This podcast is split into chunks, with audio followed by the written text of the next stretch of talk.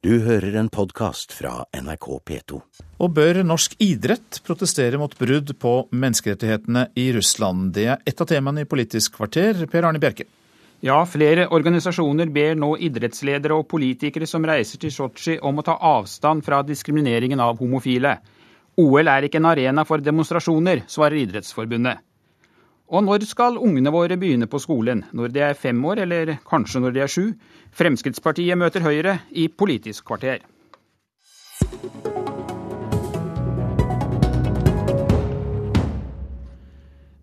Ni dager før OL-ilden tennes, arrangerer Landsforeningen for lesbiske og homofile i kveld alternativ OL-åpning i Oslo og i flere andre byer. Med på arrangementet er også Amnesty, Helsingforskomiteen og Bellona. Hva er det dere ønsker å oppnå, Bård Nylund? Du er leder i Landsforeningen for lesbiske og homofile. Det vi ønsker å oppnå, er jo å vise at det går an å arrangere en alternativ åpningsseremoni der alle er invitert, og ikke bare et uh, et elitesegment, slik det vil være i Sotsji, som jo, eh, der man screener og har en veldig tydelig rangering på hvem det er som har muligheten til å delta eller ikke. Det blir ikke den folkefesten som var på OL i Lillehammer. Eh, og Derfor er det viktig for oss å ha et sånt arrangement, selvfølgelig da for å belyse eh, og sette fokus på de menneskerettighetsbrudda som skjer i Russland. Der skjer det grove menneskerettighetsbrudd overfor minoritetsgrupper, journalister, miljøaktivister, homoaktivister og andre. Og jeg syns kanskje vi får se litt for lite av den sida i dette oppkjøret mot OL. Ja. Eh, fra de som eh, er mest involvert i OL-prosessen. Ja, Dere hevder jo at det er smakløst av norske idrettstopper å reise til Russland for å drive propaganda for vinter-OL. Hvorfor det? Vi mener at eh, når man deltar, så må man i hvert fall være tydelig på hva man mener. Og det er ikke slik eh, at eh, politikk eh, og sport er frakobla hverandre. Man kan altså ikke dra til OL og si at vi forholder oss utelukkende til det olympiske charteret, uten å kommunisere noe av de brudda vi ser på menneskerettigheter i Russland. Det det tror jeg mange har forståelse for, at når man skal reise fra Norge til Russland for å delta i OL, eh, bruker enormt masse penger eh, og selvfølgelig håper at vi vinner masse medaljer og folk skal kose seg med, med mesterskapet, så har man òg et ansvar for å si noen ting om at dette foregår i et land som har en veldig lite stolt historie å se på når det gjelder menneskerettigheter. Du skal få svare for idrettstoppene, Håvard Øvregård. Du er rådgiver i Idrettsforbundet. Hvorfor vil dere ikke protestere mer høylytt over bruddene på menneskerettighetene i Russland? Når det gjelder Idrettsforbundet Norsk idrett sitt verdigrunnlag, så det er veldig klart. Og når det gjelder, spesielt når det gjelder seksuell orientering, som her er nevnt, så har vi det som en del av vår formålsparagraf. At vi ønsker at alle skal kunne drive idrett uavhengig av bl.a. seksuell orientering. Eh, vi jobber for å påvirke idrettsbevegelsen på bl.a. dette temaet her hele året. Men når vi er i Sotsji, så er det altså en, en regel, regel 50 i IOC-charteret, som sier at eh, OL det skal være en arena for idrett og ikke for politikk. Eh, og Det ønsker vi å respektere, og det ønsker vi at utøverne også respekterer. Bård Nylund, du sitter og rister på hodet. Ja, for Prinsipp 6 i dette charteret sier jo at ingen form for diskriminering er forenlig med den olympiske bevegelse. Og Det er kanskje et prinsipp som dere uh, burde vært litt mer opptatt av å løfte fram, da, og ikke bare henvise til et annet prinsipp. For, for det er slik at Hvis man drar til Russland i 2014 uh, og brenner masse millioner kroner, møter masse viktige mennesker, og ikke sier noen ting om at mennesker i det landet risikerer omtrent livet for å gjøre den jobben de gjør for å fremme menneskerettigheter, jo, da gjør man ikke noe annet enn at man på en måte gir en stilltiende aksept til at dette ja. foregår. Ja, blir ikke dere tatt til inntekt for det propagandashowet som dette jo er for Putin og myndighetene i Russland? Altså når, det gjelder, når det gjelder eh, prinsipp 6, og, om, som sier at eh, idretten skal være fri for diskriminering, og hvorvidt dette også gjelder homofile og lesbiske, eller hvorvidt den gruppa er utelukka, så har jo eh, Sotsji-OL eh, virkelig vært den store boosten for eh, homorettighetsdiskusjonen i, i OL-sammenheng. Eh, det er nå flere som har gått ut, bl.a. den eh, USA sin olympiske komité, og sagt at de støtter inkludering av termen seksuell orientering i eh, prinsipp 6 pga. diskusjonen rundt OL i Sotsji. I Norge så har vi hatt LLH, Human Rights Watch, Amnesty International, Den norske Helsingforskomiteen på møte. De har deltatt på idrettsstyremøte, på møte vi har hatt for delegasjon. Vi har sendt ut informasjon om menneskerettighetssituasjonen til alle norske deltakere.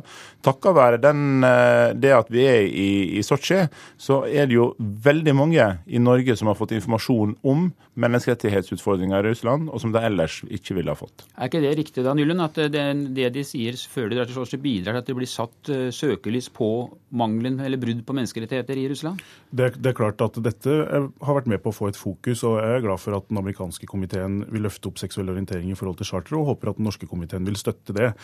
Og så er det slik at Vi har, vi har gitt informasjon til mange som skal delta i delegasjonen til, til, Russland. Men vårt spørsmål nå, når det begynner å nærme seg, hva vil dere gjøre med den informasjonen dere har fått? Vi har fortalt om disse omfattende menneskerettighetsbruddene. Vil dere foreta dere noe, eller vil dere servere kanapeer og champagne i Norway House til ca. 12 millioner kroner uten å si noen ting om det? For jeg mener, Vi har, vi har ikke tatt til orde for en boikott verken av sportslig eller politisk deltakelse. Men det betyr ikke at man ikke kan gjøre noen ting. Det er, ingen, det er ikke slik at det ikke er noen ting imellom full deltakelse og full boikott. Og vi forventer at deltakelse både fra det politiske Norge og fra idrettstoppene, at man i de sammenhengene man har muligheten til det, så må man kommunisere at det, disse medaljene Norge vinner i, i dette OL, de har òg en bakside. Øvergård. Altså, de medaljene som Norge kommer til å vinne i OL, de vil være et produkt av den norske idrettsmodellen, vår måte å drive på med idrett på, som bl.a. er en idrett fri for diskriminering. Det er veldig godt kjent i, i IOC eh, og i det internasjonale idrettsmiljøet at Norge er altså, sannsynligvis det landet som har jobba mest med homorettighet og homotema og arbeid mot uh, homohets. Vi stoler på at uh, norske myndigheter sørger for å ta opp temaet med russiske myndigheter når en er der. Vi skal altså prestere og ikke demonstrere. Samtidig så er det klart at i de reglene IOC har presentert, eh, så er det sagt at eh, det er ikke lov for utøvere å bruke medaljeseremoni eller eh, arenaen til å demonstrere, men i pressekonferanser og i svar til media på intervju senere, så har jeg mulighet til å si hva idrettsutøvere har ytringsfrihet på lik linje med andre. Ja, og det er dere ledere. Vil dere si noe, da? Hva? Vil dere ledere bruke ytringsfriheten til å si noe? Når, når det gjelder lederne våre, når de er i OL, så er de der for å hjelpe utøverne på en best mulig måte. Det er utøverne som er hovedpersoner, og det er utøverne som skal stå i sentrum. Enten nå gjelder dette temaet eller gjelder andre eh, tema. Det er utøveren sin eh, arena. Bård Nylund? Ja, jeg mener jo at det det er nesten litt rart at idrettstoppene ikke kan si noe, men sier at hvis utøverne vil, så må de gjerne gjøre det, og legge på en måte ansvaret over på utøverne som liksom de som skal kommunisere dette fra idrettens side. Og så tenker jeg at jeg reagerer litt på den, på den bruken og definisjonen av ordet demonstrasjoner. For det kan ikke være slik at Norge og Norges deltakelse når vi sier noen ting om liksom, hvordan vi har det i vårt samfunn, og at vi reagerer på at, at, folk blir forfulgt, at det skal være en demonstrasjon, det har jeg vanskelig for å forstå. Det tror jeg folk har vanskelig for å forstå. At man kommer til Russland, så sier man vet du noe, vi reagerer litt på at dere kjeppjager og kriminaliserer en del grupper her. Det kan ikke være å demonstrere. Håvard Øvrebø, kort. Ja, men altså, Det du beskriver her, eh, Bård Nylund, det er en politisk ytring. En helt klar politisk ytring. Eh, og det er begrensninger i OL-sammenheng for når en skal drive politikk og når en skal drive idrett. Vi tror at folk eh, også i Norge forstår eh, hva vår rolle er i OL. Og vi er sikre på at mange medaljer til Norge vil bidra til bedre eh, homorettigheter i idretten. Takk skal du ha, Håvard Øvregård. Jeg har lov, Øvregård. Jeg har lov til å få slippe deg tidlig, slik at du skal rekke en frokost i Civita hvor også dette er tema. Og takk også til deg, Bård Nylund.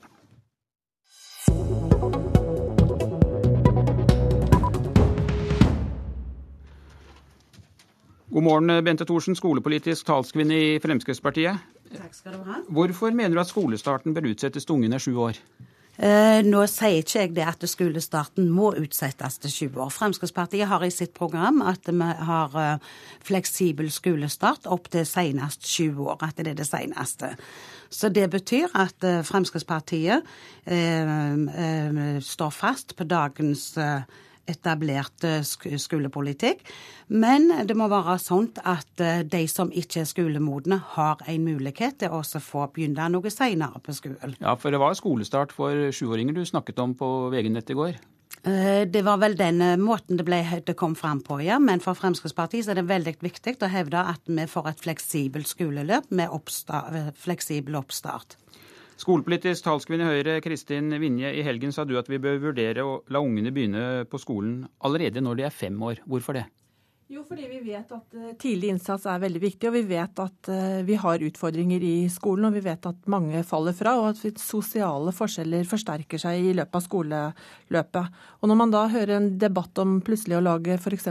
barnehagen obligatorisk, så syns jeg vi også skal diskutere kanskje alternativt heller å senke skolealderen og legge til rette for eh, lek og læring i det første året i skolen. Thorsen, vil du ha sendt en femåring på skolen? Uh, det vil jeg ikke. Det, hvis ikke den, den, den, ungen var skolemoden, så ville jeg ikke sendt en femåring på skolen. Jeg mener det at barnehagen er et veldig godt alternativ og har, og har et god opplegg for å lære ungene gjennom lek. Vinje, hvorfor kan ikke vi la ungene få være unger i hvert fall til at de fyller seks år? Jo da, jeg syns absolutt at barn skal få være barn, men det er ikke nødvendigvis noe motsetning mellom det å leke og det å lære. Og det som er viktig for meg, er at vi tar på alvor de utfordringene vi har i skolen, og så må vi se hva vi kan gjøre for at barn, flest mulig barn skal få muligheter til å lykkes i livet. Og det vi ser nå, at det er mange barn som begynner på skolen med dårlige norskferdigheter eller dårlige kunnskaper, som eh, forsterker seg gjennom skoleløpet, og så bidrar det til å skape sosiale skiller.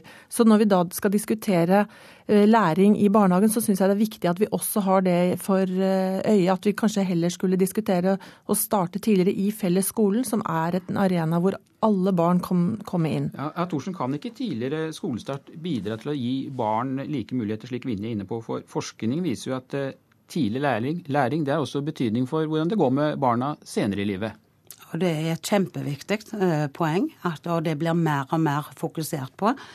Uh, og da er det òg sånn at uh, Fremskrittspartiet Høyre i sin politiske plattform sier det at en vil språkteste barn fra 3-4-årsalderen.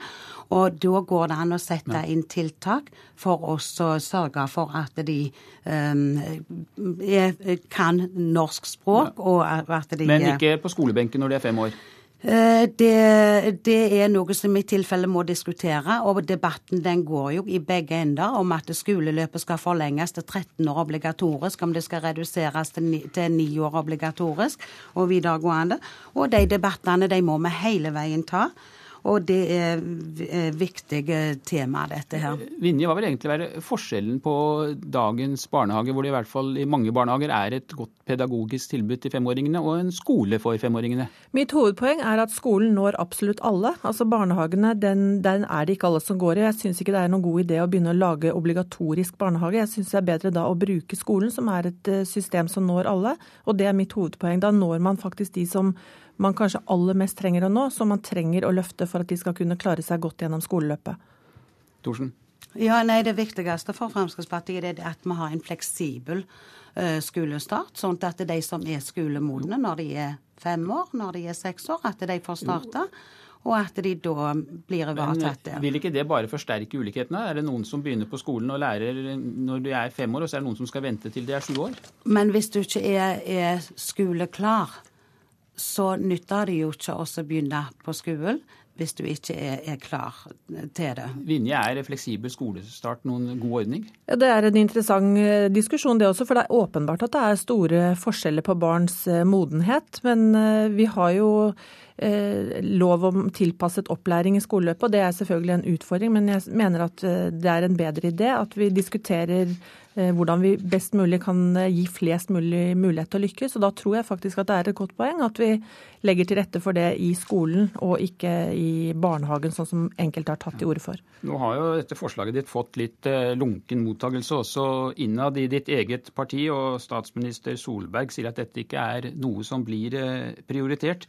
Hvilket håp har du om at skolestart for femåringer noen gang blir gjennomført? Nei, Jeg ser jo at dette er en debatt. Dette her er jo ikke noe vi har i verken Høyres program eller i den politiske plattformen, så jeg er fullstendig klar over det. Men for meg er det viktig å reise debatter, sånn at politikken kan gå fremover. At vi kan få opp nye tanker og ideer for hvordan vi kan løse utfordringer i fremtiden. og Derfor er det viktig at man diskuterer disse tingene nå og får opp en, eh, en bred tanke om hvordan man kan bli bedre på sikt. Ja, dere, Du vil jo diskutere saken, Thorsen, men tror du at dette er noe som blir en realitet en gang, eh, så lenge dere sitter i regjering? Eh, ikke i denne perioden i alle fall har vi det inne, men det er helt viktig å ta debatten. Det er helt klart. Og for at vi skal ha sånne endringer, så vil det ta veldig mange år. Det er masse endringer som må bli gjort, både på skolestruktur og i forhold til lærerutdanning og innholdet i skolen og hele biten. Så dette er sånt som vil ta lang tid, og derfor er det viktig å slå fast at uh, dagens praksis i skoleløp og dette det ligger fast. Men det er alltid viktig å få god innspill og, og gode debatter som gjør at vi får en bedre skole, noe som absolutt alle er interessert i. Takk skal du ha, Bente Thorsen, og takk til deg, Kristin Vinje. Tidligere leder i Senterpartiet, Åslaug Haga, mener at partiet må fortsette det rød-grønne samarbeidet. I et eh, intervju med Nasjonen i dag sier hun at Senterpartiet med sin begrensede styrke er best tjent med et formalisert sentrum-venstre-samarbeid. Senterpartiet, Arbeiderpartiet og SV må fortsette å dyrke det rød-grønne samarbeidet, selv om KrF ikke vil bli med, sier Haga. Og det var Politisk kvarter med Per Arne Bjerke. Du har hørt en podkast fra NRK P2.